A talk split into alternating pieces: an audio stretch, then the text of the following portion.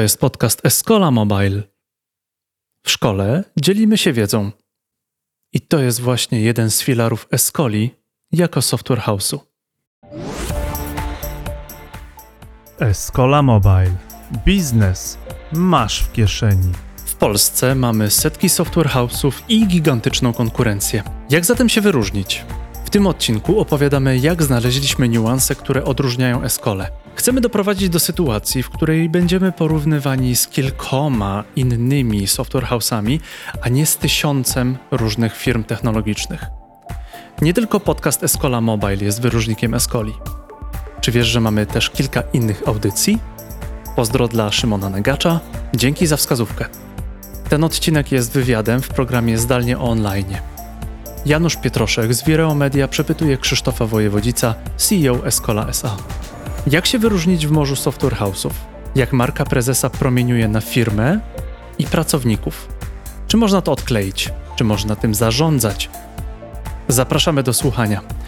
Podaj ten podcast dalej, bo hashtag dzielimy się wiedzą. Ja się nazywam Janusz Pietroszek. Moim dzisiejszym gościem jest dr Krzysztof Wojewodzic z, z firmy Escola. E, powiedz proszę coś więcej na temat tego, czym się zajmujesz w Escoli, czym w ogóle się Escola zajmuje. Escola w takim najprostszym rozumieniu jest software house'em, czyli to, czym się zajmujemy, to jest wytwarzaniem software'u na zlecenie. Mamy w tej chwili, zamykamy rok 2020, mając około 20 klientów, dla których realizujemy dla niektórych nieco mniejsze kontrakty, dla niektórych stałe współprace. Specjalizujemy się zasadniczo w wytwarzaniu aplikacji mobilnych.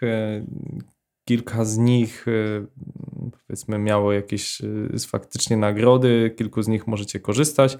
Taką aplikację, z, której dosyć jesteśmy dumni, dostaliśmy nagrodę za aplikację Orlen Pay, gdzie można na stacjach Orlenu zbliżeniowo płacić bez konieczności podchodzenia do kasy, co okazało się bardzo przydatne w czasach COVID-u i faktycznie sporo osób z tego korzysta. Początkowo aplikacja faktycznie miała pewne, pewne trudności, natomiast teraz można powiedzieć, że już zachowuje się znacznie lepiej i jest powiedzmy już taka, tak fajnie dość działa.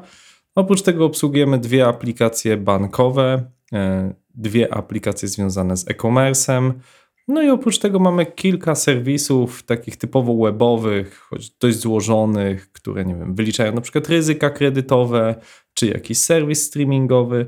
Ostatnio też staliśmy się troszeczkę bardziej rozpoznawalni, ponieważ mm, część dziennikarzy odeszło z, z trójki i założyło radio 357 to, to jest takie radio, które utrzymuje się z wpłat patronów Patronite, więc jak ktoś z Was tego nie robi, ale lubił trójkę, może słyszeliście też o Radiu Nowy Świat, no to do Radia 357 no odeszła właściwie jeszcze większa śmietanka i, i, i można ich wesprzeć.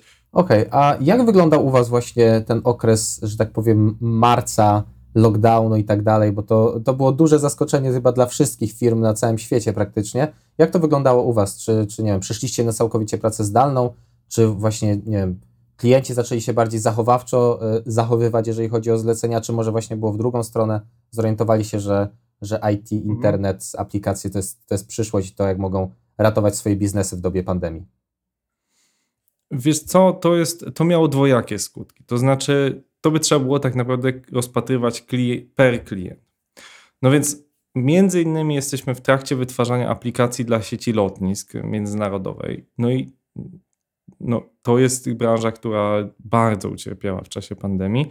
No i oni po prostu nacisnęli wielki przycisk pauza. W tej chwili do tego tematu wróciliśmy, oddaliśmy pierwszy etap, który miał być oddany właśnie w okolicach kwietnia, maja. Tak, także to odczuliśmy. Drugi projekt, który został wstrzymany, mieliśmy taki kontrakt z rządem Norwegii na aplikację, która pozwalała w sposób społecznościowy sprzątać plaże. Czyli mogłeś dostać powiedzmy od swojej lokalnej gminy, nie wiem, worki, grabie i oznaczyć, że w danej części mapy posprzątałeś plażę, posprzątałeś wybrzeże e, Skandynawii. I dzięki temu jakby ludzie mogli w sposób taki wolontarystyczny zbierać się w grupy, sprzątać, zaznaczać, która część została, została posprzątana. Coś takiego, co robi w, w, Polsce i na świecie Planet Heroes.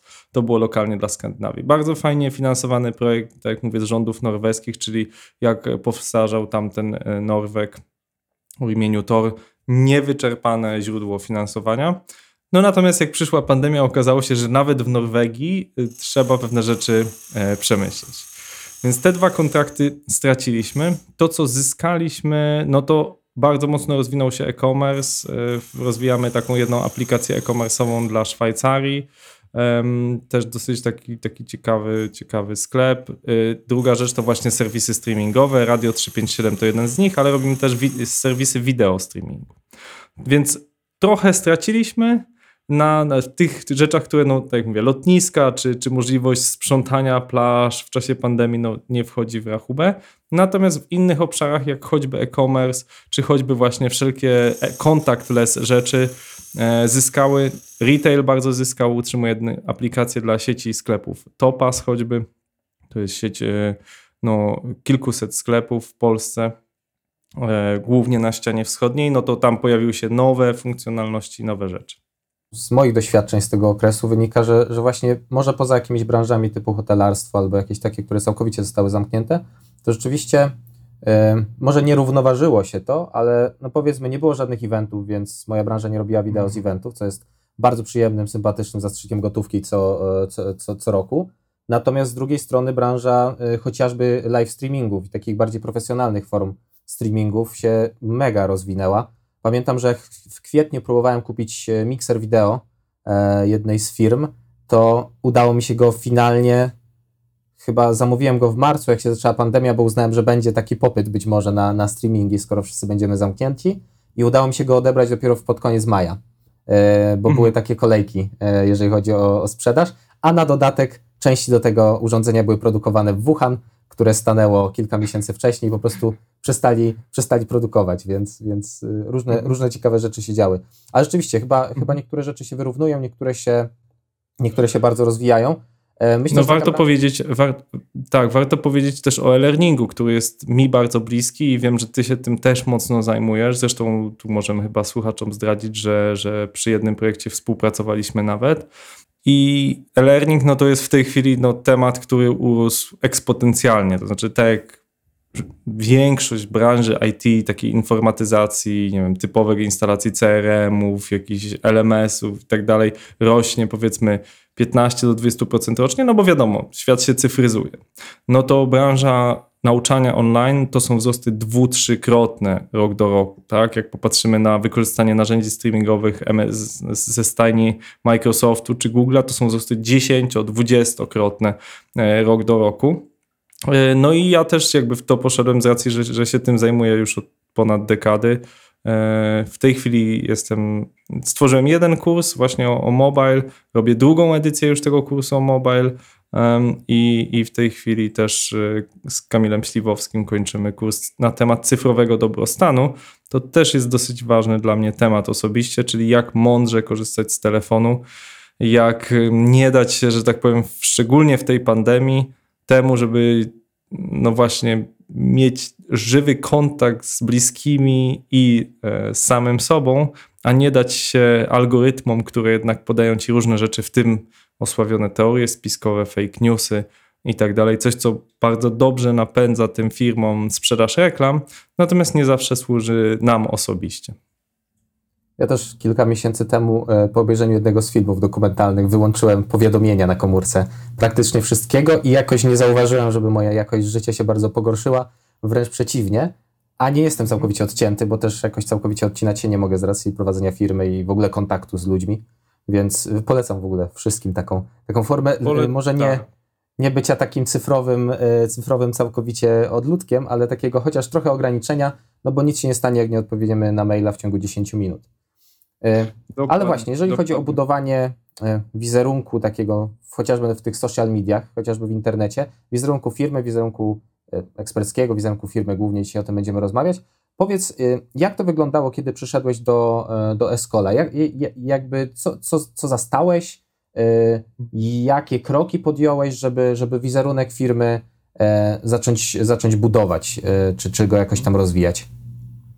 Znaczy ja myślę, że na początek powinienem wyjaśnić, jakby na czym polega praca takiego usługowego software house'u.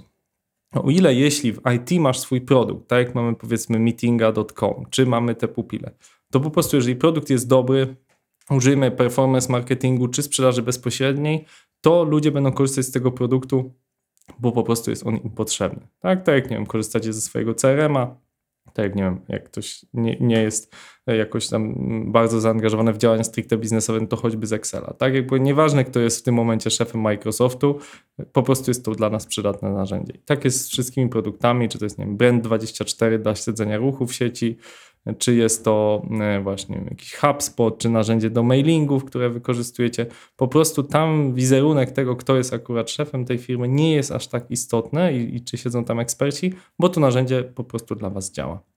Natomiast w przypadku usług, tak jak Escola wykonuje kontrakty między 100 tysięcy a milion złotych, no to ktoś musi Wam zaufać, że akurat Wy wypełnicie to zadanie najlepiej z wszystkich możliwych oferentów. A jeśli weźmiemy krajobraz Polski, mamy e, w Polsce tysiące software house'ów. Oczywiście większość z nich to są kilkoosobowe działalności, takie studia programistyczne.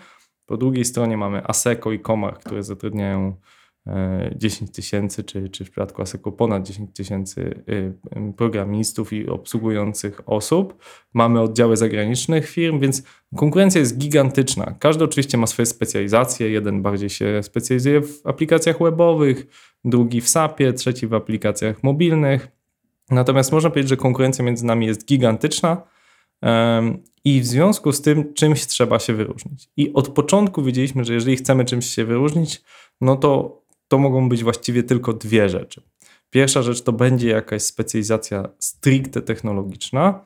I tak jak mówię, jesteśmy kojarzeni z mobilem, chociaż y, około połowa naszych przychodów to są usługi związane z takimi złożonymi serwisami webowymi. No bo prawda, dla klientów często jest tak, y, że choćby to Radio 357, które robimy, że ktoś potrzebuje aplikację na Androida, aplikację na iOS i dodatkowo serwis y, webowy, gdzie można także z tego korzystać.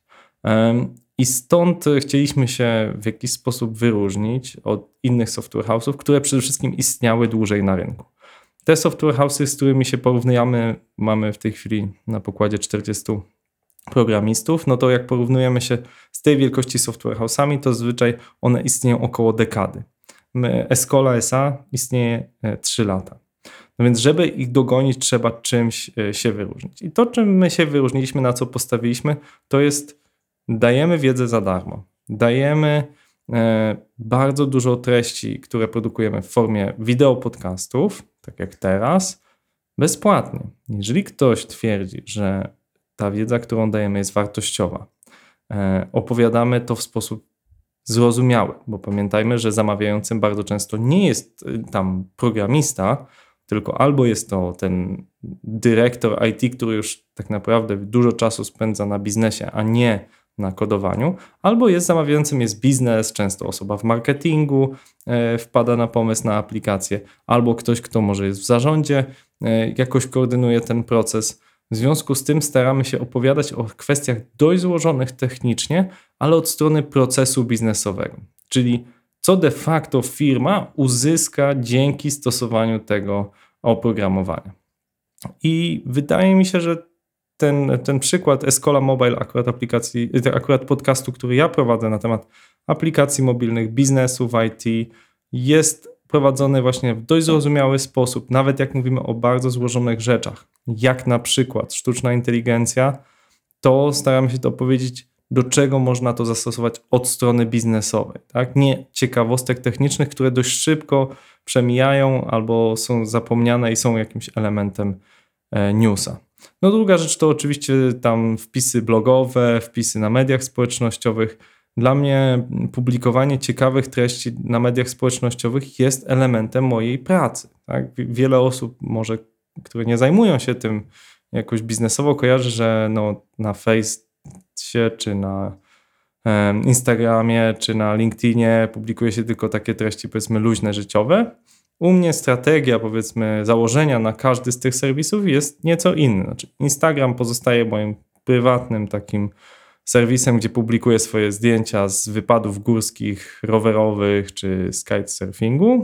E, Facebook jest kanałem, który ma jedno i drugie, czyli zarówno w weekendy zdarzają się te zdjęcia prywatne, ale w tygodniu staram się dzielić wiedzą, tak? Ponieważ jeżeli ktoś w tygodniu zagląda na mojego Facebooka, to prawdopodobnie szuka jakichś ciekawych informacji, artykułów, publikacji, e, z informacji na temat tego, jak prowadzić biznes związany z IT. No i LinkedIn jest już czysto biznesowy. Na LinkedInie publikuję właściwie codziennie jakieś informacje związane z branżą IT. E, biorę udział też w dyskusjach, bo to nie chodzi tylko o to, żeby wyłącznie publikować na swoim wallu. E, natomiast przyznam się też uczciwie w kontekście cyfrowego dobrostanu, że jestem głównie producentem treści. To znaczy, nie mam na tyle czasu, żeby przeglądać godzinami wole innych osób i, i staram się robić to w sposób bardzo produktywny, czyli e, obserwuję kilka najważniejszych dla mnie osób, takie, które najwięcej wnoszą do mojego życia e, biznesowego przede wszystkim. No a staram się nie rozpraszać na jakieś tematy takie e, mało istotne. Także przede wszystkim, jakbym miał wymienić takie trzy, cztery najważniejsze rzeczy, jeżeli chodzi o tworzenie wizerunku eksperta, to pierwsze, faktycznie warto być tym ekspertem, to znaczy musisz zgłębiać swoją wiedzę, e, czytać literaturę branżową, udzielać się w odpowiednich miejscach, na odpowiednich forach, na odpowiednich konferencjach, eventach, nawet jeżeli te eventy są właśnie, tak jak w tytule Twojego podcastu, zdalnie to tak naprawdę są bardziej merytoryczne. Konferencje teraz są bardziej, uważam, merytoryczne i jeżeli ktoś szuka fachowej wiedzy, to nadal można zrobić świetny event, choćby jest for developers, w którym jestem w Radzie Programowej, czyli ustalam jakby line-up prelegentów wraz z koleżanką e, Joanną Lamch I, i w związku z tym jakby cały czas pobieram tą wiedzę. Przygotowując kursy online na temat mobila, także bardzo dużo wiedzy mm, ciągle zdobywam. Więc e, po pierwsze, żeby być, mieć, tworzyć wizerunek eksperta, to warto ekspertem być, ponieważ mamy jednak wysyp wielu ludzi, jakichś trenerów, coachów, życia innych rzeczy, którzy bardzo lubią się wypowiadać, natomiast brakuje im często fachowej wiedzy w danych obszarach, a w związku z tym poruszają się po jakiejś takiej obszarze ogólników, poruszają się po jakichś takich wyświechtanych frazesach albo wrzucają motywacyjne zdjęcia. Oczywiście to daje duże zasięgi, natomiast nie pozostawia zbyt dużej takiej lepkości, jeśli chodzi o pozyskanie fachowych kontraktów, fachowej wiedzy. E, punkt drugi eksperckości uważam to jest systematyczność. To znaczy, ja przyjąłem założenie, że publikuję codziennie. Nie robię tego codziennie, tak jak osoba, która założy, że będzie codziennie ćwiczyć, nie będzie codziennie ćwiczyć, bo zdarzą się odstępstwa. Tak, może być chora, może nie mieć akurat wyjątkowo na to nastroju, natomiast jeżeli jest zdeterminowana, powinna ćwiczyć codziennie. I ja codziennie staram się coś opublikować. Czasem zdarza się, że opublikuję coś rano, a po południu wydarzy się coś ciekawego, mam jakąś ciekawą kolejną informację, więc publikuję znowu. Być ekspertem, być systematycznym. I punkt trzeci to odbijać swoją wiedzę w wielu kanałach. Czyli mówię, dla mnie to jest y, e-learning jest tematem bardzo bliskim, więc na e-learning składa się i artykuł, i wideo, i jakieś quizy, i konieczność obcowania e, z, e, z, ze słuchaczami, z biorącymi osobami w tym kursie. Też choć brakuje mi bardzo na to czasu i żałuję, no to nie mogę, e, pracuję nadal na uczelni, prowadząc jeden kurs w roku. W zeszłym roku było IT Management, w tym roku będzie to e, Pitching and Financing of Startups, e, czyli po prostu tematy związane z tym, na czym faktycznie się dość e, dobrze znam. Zauważyłem, że zwróciłeś uwagę na coś takiego, jak jakby promowanie siebie jako eksperta, które też, nazwijmy to, promieniuje na firmę, której się jest prezesem, czy którą, którą się tam zajmuje. To jest, to jest dobra strategia, bo no, jeżeli prezes się zna na rzeczy, i jest uważany za eksperta, to może, y, może też dużo uzyskać dla firmy, którą, którą się zajmuje. Też mówisz trochę o tym content marketingu, powiedzmy, czyli takim tworzeniem treści wartościowych. Jeżeli chodzi o promowanie marki, promowanie przedsiębiorstwa jako przedsiębiorstwa i promowanie siebie jako eksperta, y, jakby czym, czym to się różni? No i jakby po pierwsze jedną rzecz chcę powiedzieć, to znaczy budowanie zasięgów, czy content marketing to nie jest to, czym ja się zajmuję, czyli jakby ja bym to nazwał tworzenie marki eksperckiej. Bo można mieć ogromne zasięgi, ale niekoniecznie być uważanym za eksperta. Tak? Wspomniałem o, o coachach, trenerach, ale yy, może dam przykład taki z branży, który już jest dość znany. Jest taki kanał na YouTubie Hejterzy, yy, czy też ha, Hejterzy. Kanał jest satyryczny, w ogóle bardzo polecam, bo jeżeli ktoś jakkolwiek styka się z branżą IT, jest niewątpliwie no, dzieło sztuki na poziomie ucha prezesa w IT. Ma tam już, nie wiem, 170 tysięcy subskrypcji e, po, po 3-4 latach działania kanału i najbardziej aktywnym aktorem jest tam e, prezes spółki pod kryptonimem Jason. I ja nie jestem pewien, czy bezpośrednio ta marka przekłada im się na pozyskanie nowych kontraktów. To znaczy, czy ja jako klient e, bym pomyślał, hmm, ale robią śmieszne filmiki, może w związku z tym powierzę im zrobienie dla mnie wdrożenia Akshura, bo oni w dużej mierze wdrażają narzędzia Microsoftu. To tak nie jest. Natomiast jestem pewien, że to przekłada się na taki pozytywny wizerunek marki. E, tego, że wszyscy ich znają. Myślę, że mają tańsze rekrutacje, bo ludzie po prostu kojarzą, że jest, są ci hejterzy, e, czyli firma Code2 z Jeleniej Góry i Wrocławia i że po prostu mają, mają jakąś rozpoznawalność, nie muszą tłumaczyć, co, jaką są firmą i to też promieniuje na to, jaką mają kulturę organizacyjną. Zresztą mają w swoim, e, w swoich jakby stronie na temat rekrutacji napisane, że będziesz miał rolę w filmie niezapomnianą, jeśli, jeśli weźmiesz udział w rekrutacji, znaczy jakby dostaniesz się do firmy. Także jest to budowanie marki, natomiast nie jest to budowanie marki eksperckiej. To jest dużo trudniejsze, nie zapewni ci aż tylu zasięgów. Gdzieś na styku tego jest Michał Sadowski, bardzo znany przedsiębiorca z Wrocławia, prezes Brand24, który e, z jednej strony ma bardzo dobre takie merytoryczne rozmowy, czy w swoim kanale Mike Drives, czy ma dobre rozmowy w Growth Talks, które robi, mm, które robi po angielsku. I tam nie ma tak dużych zasięgów, jakie pewnie mógłby mieć, gdyby właśnie poszedł bardziej w satyrę, którą też często uprawia. Tak, on ma w Growth Talksa, nie wiem, kilkanaście tysięcy subskrybentów i są to dość merytoryczne, esencjonalne, mocne rozmowy dla osób, które znają się na marketingu, co więcej muszą dobrze posługiwać się językiem angielskim, żeby zrozumieć, o czym tam panowie z Mickiem Griffinem najczęściej rozmawiają. E, mój marketing opiera się bardziej o, o stricte treści mm, związane z tworzeniem biznesu w IT. Nie jestem jakimś mistrzem dowcipu.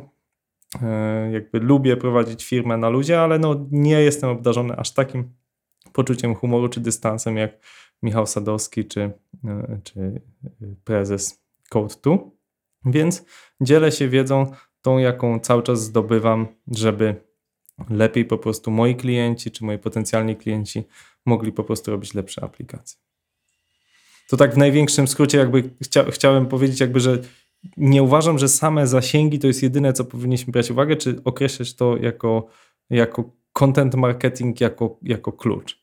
E, natomiast jeszcze pytałeś o to, czy to promieniuje na spółkę. No moim zdaniem w, w każdym aspekcie w tej chwili teraz rośnie rola ludzi, nie tylko prezesa.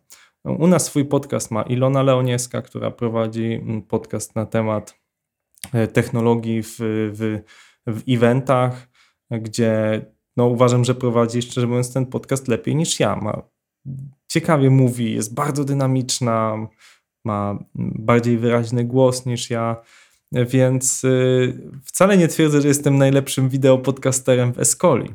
E, kolejną osobą jest Mateusz Wojczal, który prowadzi swój kanał właśnie DevTalks, gdzie opowiada o takich już bardzo technologicznych rzeczach, o użyciu frameworków, bibliotek, o e, rozwijających się technologiach, e, czy frontendowych, czy backendowych.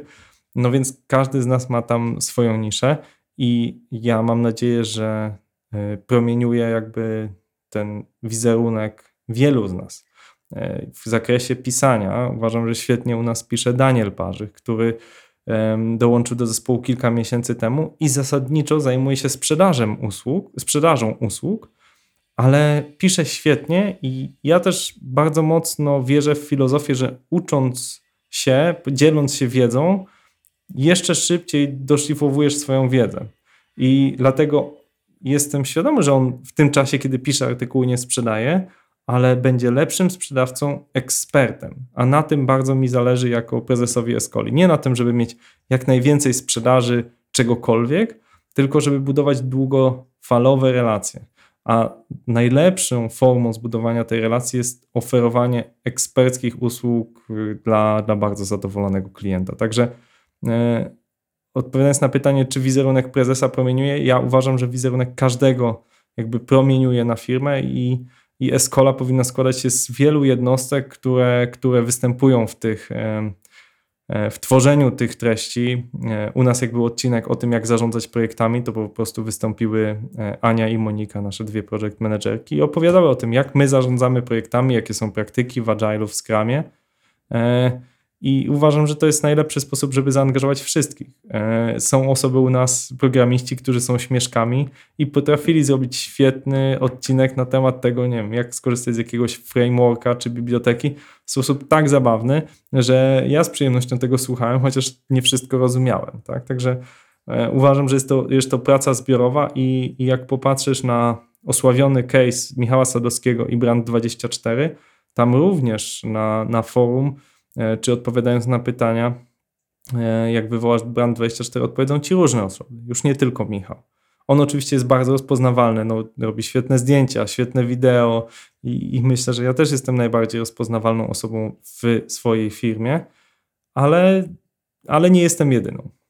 Ty jesteś prezesem e, dużej spółki akcyjnej. Większość firm w Polsce są takie małe przedsiębiorstwa. Co byś poradził takiemu Januszowi biznesu, który E, chce sobie, e, otworzył sobie na przykład firmę, jakąś usługową, czy, czy jakiś, sprzedaje sobie jakiś jeden projekt, e, produkt, no jest pandemia, wymyślił sobie jakiś wirtualny produkt, zrobił może jakiś kurs, może, może cokolwiek. Co byś takiej osobie, która ani jeszcze nie jest znana, ani nie ma jakiegoś dużego doświadczenia w marketingu internetowym, czy w ogóle w promowaniu marki, co byś, co byś takiej osobie polecił, od czego by powinna zacząć? Czy, nie wiem, ma mhm. stronę internetową, Facebooka, LinkedIna, co dalej? Kanał na YouTubie, może blog, może y, program cotygodniowy? Y, jak myślisz?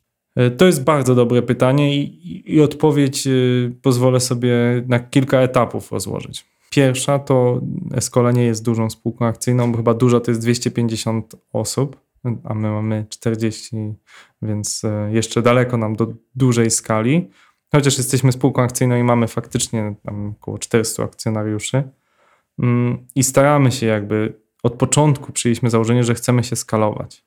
I to jest pytanie, które przede wszystkim radziłbym temu przedsiębiorcy sobie zadać. Tak? Bo ty powiedziałeś o komuś, kto zrobił kurs learningowy, ale, ale weźmy osobę, która ma, e, jest dentystą. I możesz albo być świetnym dentystą, albo yy, pójść w stronę założenia wielu klinik dentystycznych i nie mieć o e, kwestiach stomatologii bladego pojęcia. Więc to jest pytanie, czy chcesz być ekspertem, czyli świetnym lekarzem, czy chcesz być przedsiębiorcą i niekoniecznie mieć pojęcie o danej materii.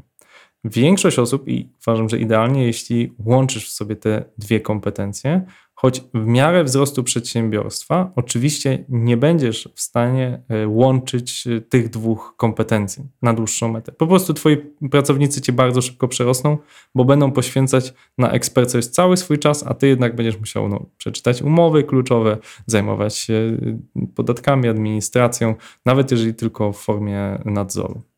I, i no dlatego uważam, jest duży potencjał w firmach, które mają powiedzmy kilkudziesięciu pracowników, tak jak Escola, bo ja nadal mogę mieć taki bieżący nadzór i wiedzę i często zdarza mi się zbudować architekturę dla e, klienta e, wraz z zespołem, dawać bardzo konkretne porady, jeśli przygotowujemy ofertę, czy bierzemy udział w rozpisywaniu właśnie architektury. Dużo osób nas poleca z tego powodu, że że jesteśmy w stanie z zespołem właśnie osób bardzo doświadczonych, jakby nie tylko prawda, patrzeć, co się dzieje w firmie i oceniać to z góry, tylko brać udział w warsztatach, brać udział w pracach koncepcyjnych. Także to jest pierwszy punkt, to odpowiedz sobie, czy chcesz mieć dużą firmę i jak dużą. Co cię będzie satysfakcjonować? My to pytanie zadajemy we skoli managementowi.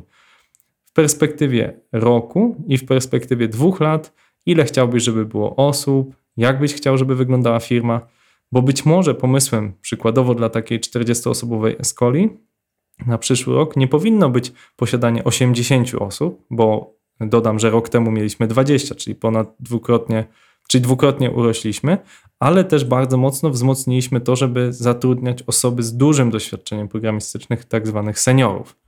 A jak już jesteśmy przy żartach, to przewidzieliśmy, że będzie godzina seniora i chcieliśmy, żeby po prostu łatwiej było zrobić zakupy 10 a 12. I w związku z tym pamiętajmy, że to pytanie musisz jakby umieć sobie odpowiedzieć. Jeżeli chcesz być dentystą i kochasz bycie dentystą, owszem, zatrudnij sobie asystenta, być może recepcjonistę, żeby móc więcej jakby poświęcać na to czasu, ale niekoniecznie chcesz mieć sieć klinik i przestać robić to, co kochasz. I to może dotyczyć każdego innego biznesu. E, mój kuzyn ma na przykład warsztat e, autodetailingu i też faktycznie dużo, dużo biznesu robi mu Facebook, e, ale on po prostu lubi też się zajmować tym detailingiem. Nie planuje, że nie będzie tego robił w perspektywie roku, dwóch. Jeżeli zrobiłeś właśnie jakiś kurs i się na czym świetnie znasz, tak jak ty zrobiłeś kurs dotyczący tworzenia właśnie wideo do sieci, no, czy chcesz po prostu już tak się wyskalować, żeby, żeby nie mieć do czynienia w żaden sposób z kamerą? To jest, to jest to, od czego bym zaczął. Jeśli już faktycznie chcesz się skalować, jakby chcesz zbudować firmę, przynajmniej w perspektywie roku, dwóch, chcesz, żeby pewne rzeczy z ciebie zdjąć. To jest pytanie też, które co roku zadaję moim menedżerom. Czy są rzeczy, które chciałbyś, żeby albo eliminować, albo automatyzować albo delegować. Czyli właśnie taka metodyka eliminate, automate, delegate. Tak? Czyli być może jest coś, czego w ogóle nie chcesz robić bardzo.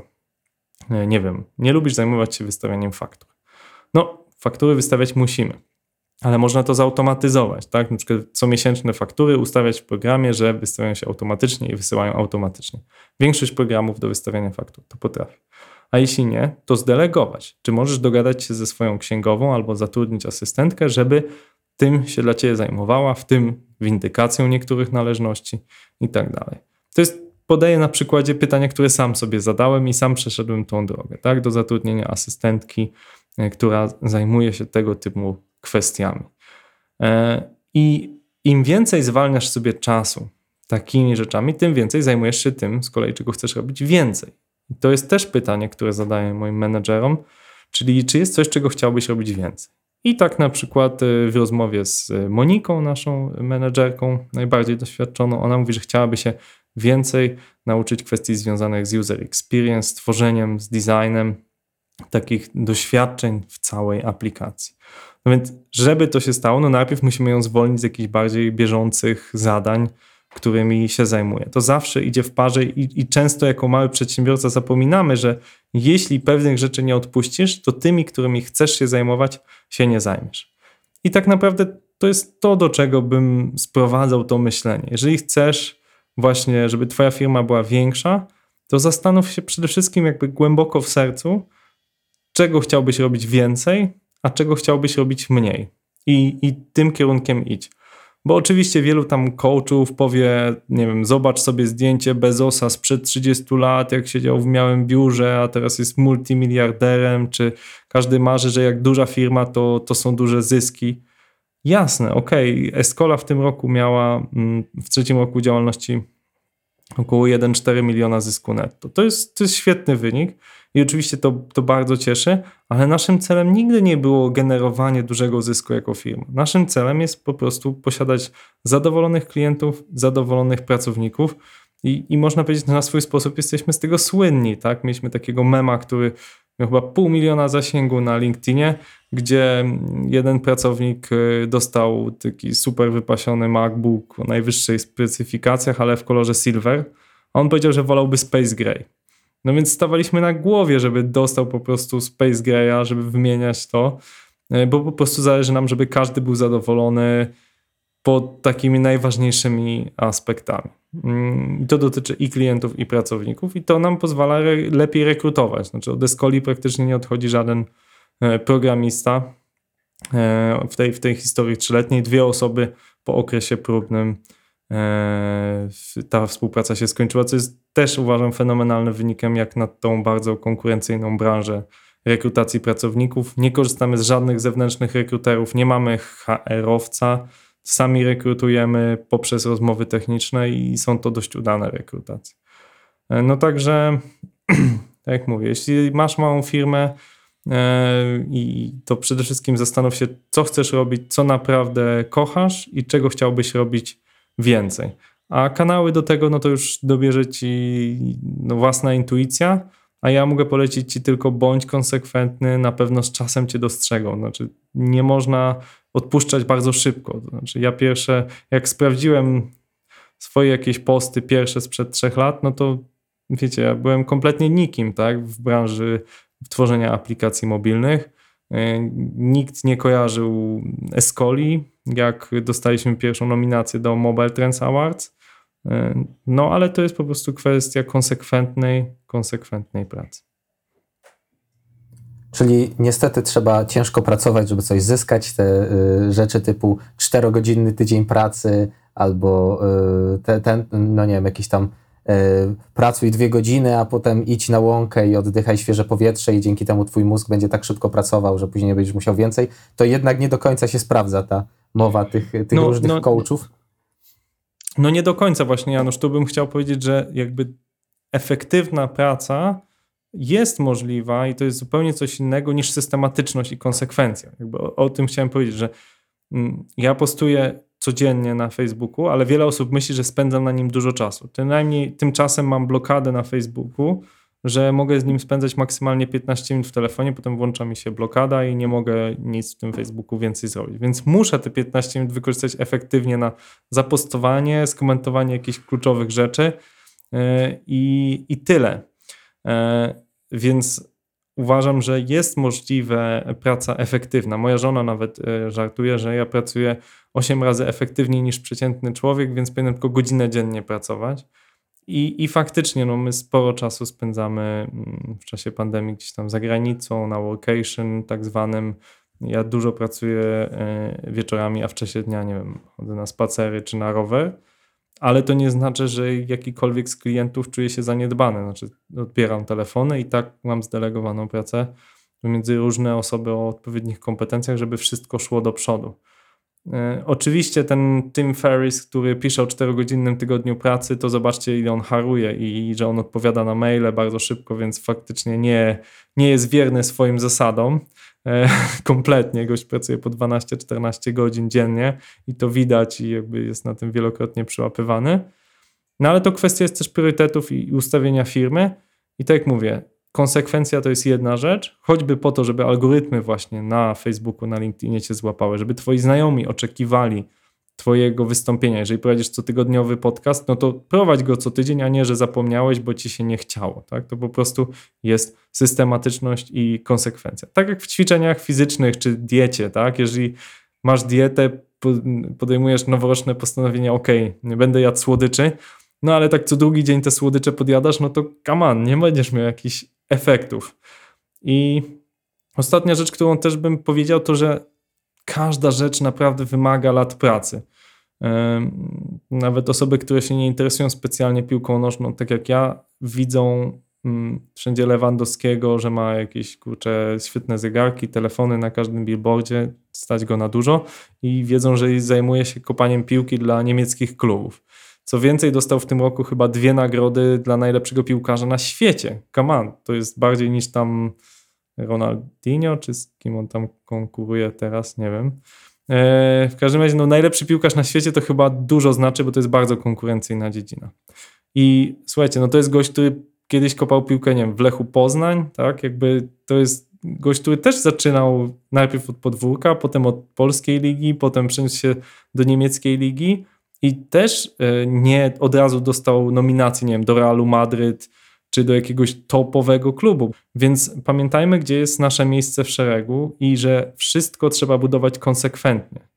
Bardzo rzadko zdarza się to, co obserwujemy, właśnie nam próbują albo media, albo różni coache pokazać, że gość tam dwa tygodnie został po prostu gwiazdą. Tak nie jest. E, wspomniany przeze mnie i znany przykład, więc może dużo osób kojarzyć, więc się na niego warto powołać. Brand24. Spółka, która weszła na giełdę niedawno i ma tam wycenę też nie jakąś zabójczą, pamiętajmy, ona oscyluje, nie pamiętam, w okolicach kilkunastu czy wczesnych kilkudziesięciu milionów złotych za całą firmę. I oni nadal są firmą, która generuje straty, nadal polegają, się na, polegają na pieniądzach inwestorów, ale to jest firma, która 10 lat była konsekwentnie budowana. Jak y, Michał często właśnie żartuje, mając taki dystans, no to on był właśnie Januszem biznesu, który miał jakiś pomysł, chodził do tych inwestorów, w pewnym momencie chciał sprzedać tą firmę za 0 zł, żeby tylko ktoś z niego zdjął e, to, e, tą odpowiedzialność. e, ale był konsekwentny. To znaczy wierzył w to i widział, i no też warto nie ignorować sygnałów. To znaczy, jeżeli firma bankrutuje, no to jakby trzeba też mieć odwagę spojrzeć sobie w lustro i powiedzieć, dobra, idę w ślepy zaułek, ale widział pewne sygnały rynkowe, że to rośnie, że to ma potencjał. I, i, I jeżeli chcesz właśnie skalować firmę, to droga do tego, żeby pracować mniej, oparta jest o to, żebyś zadawał sobie regularnie pytanie, raz na miesiąc, raz na kwartał, czego chcę robić więcej, a czego chcę robić mniej. Ja sobie to pytanie zadaję. Wiem na przykład, że w tej chwili jeszcze nadal zarządzam powiedzmy dwoma projektami w Escoli. Jest to coś, co jest mi coraz trudniej robić ze względu właśnie na tą nieregularność e, mojej pracy. Natomiast, więc to będę na pewno eliminował. Natomiast coś, co chcę zrobić, to robić więcej kursów e-learningowych i to jest coś, czego będę sobie e, dodawał. Tak? I, I każdy uważam powinien zadawać sobie pytanie, czego chcę robić mniej, co chcę eliminować, co chcę delegować, a co z kolei z tym zaoszczędzonym czasem chcę zrobić. Jakby to powiedzieć, każdego 8 godzin dziennie to jest to samo 8 godzin. Trzeba go podzielić tak, żeby, żeby te 8 godzin spędzić w sposób efektywny, no i żeby robić to, co nam się też może w przyszłości bardziej przydać, a jak się da i jak, na, jak możemy sobie na to pozwolić, to delegować niepotrzebne rzeczy. Dzięki. Wielkie dzięki za rozmowę. Escola Mobile. Biznes masz w kieszeni. Dziękujemy za Twój czas i za to, że spędziłeś go z nami. Podaj ten podcast dalej, podziel się nim na LinkedInie, Twitterze, Facebooku, opowiedz o tym podcaście swoim znajomym. Być może ktoś z Twoich znajomych również prowadzi firmę i może zainspirować się naszą rozmową. Wiedza, którą się podzielimy, jest jedną z niewielu rzeczy, która dzielona zwiększa swoją objętość. To był 66. odcinek podcastu Escola Mobile. Do usłyszenia.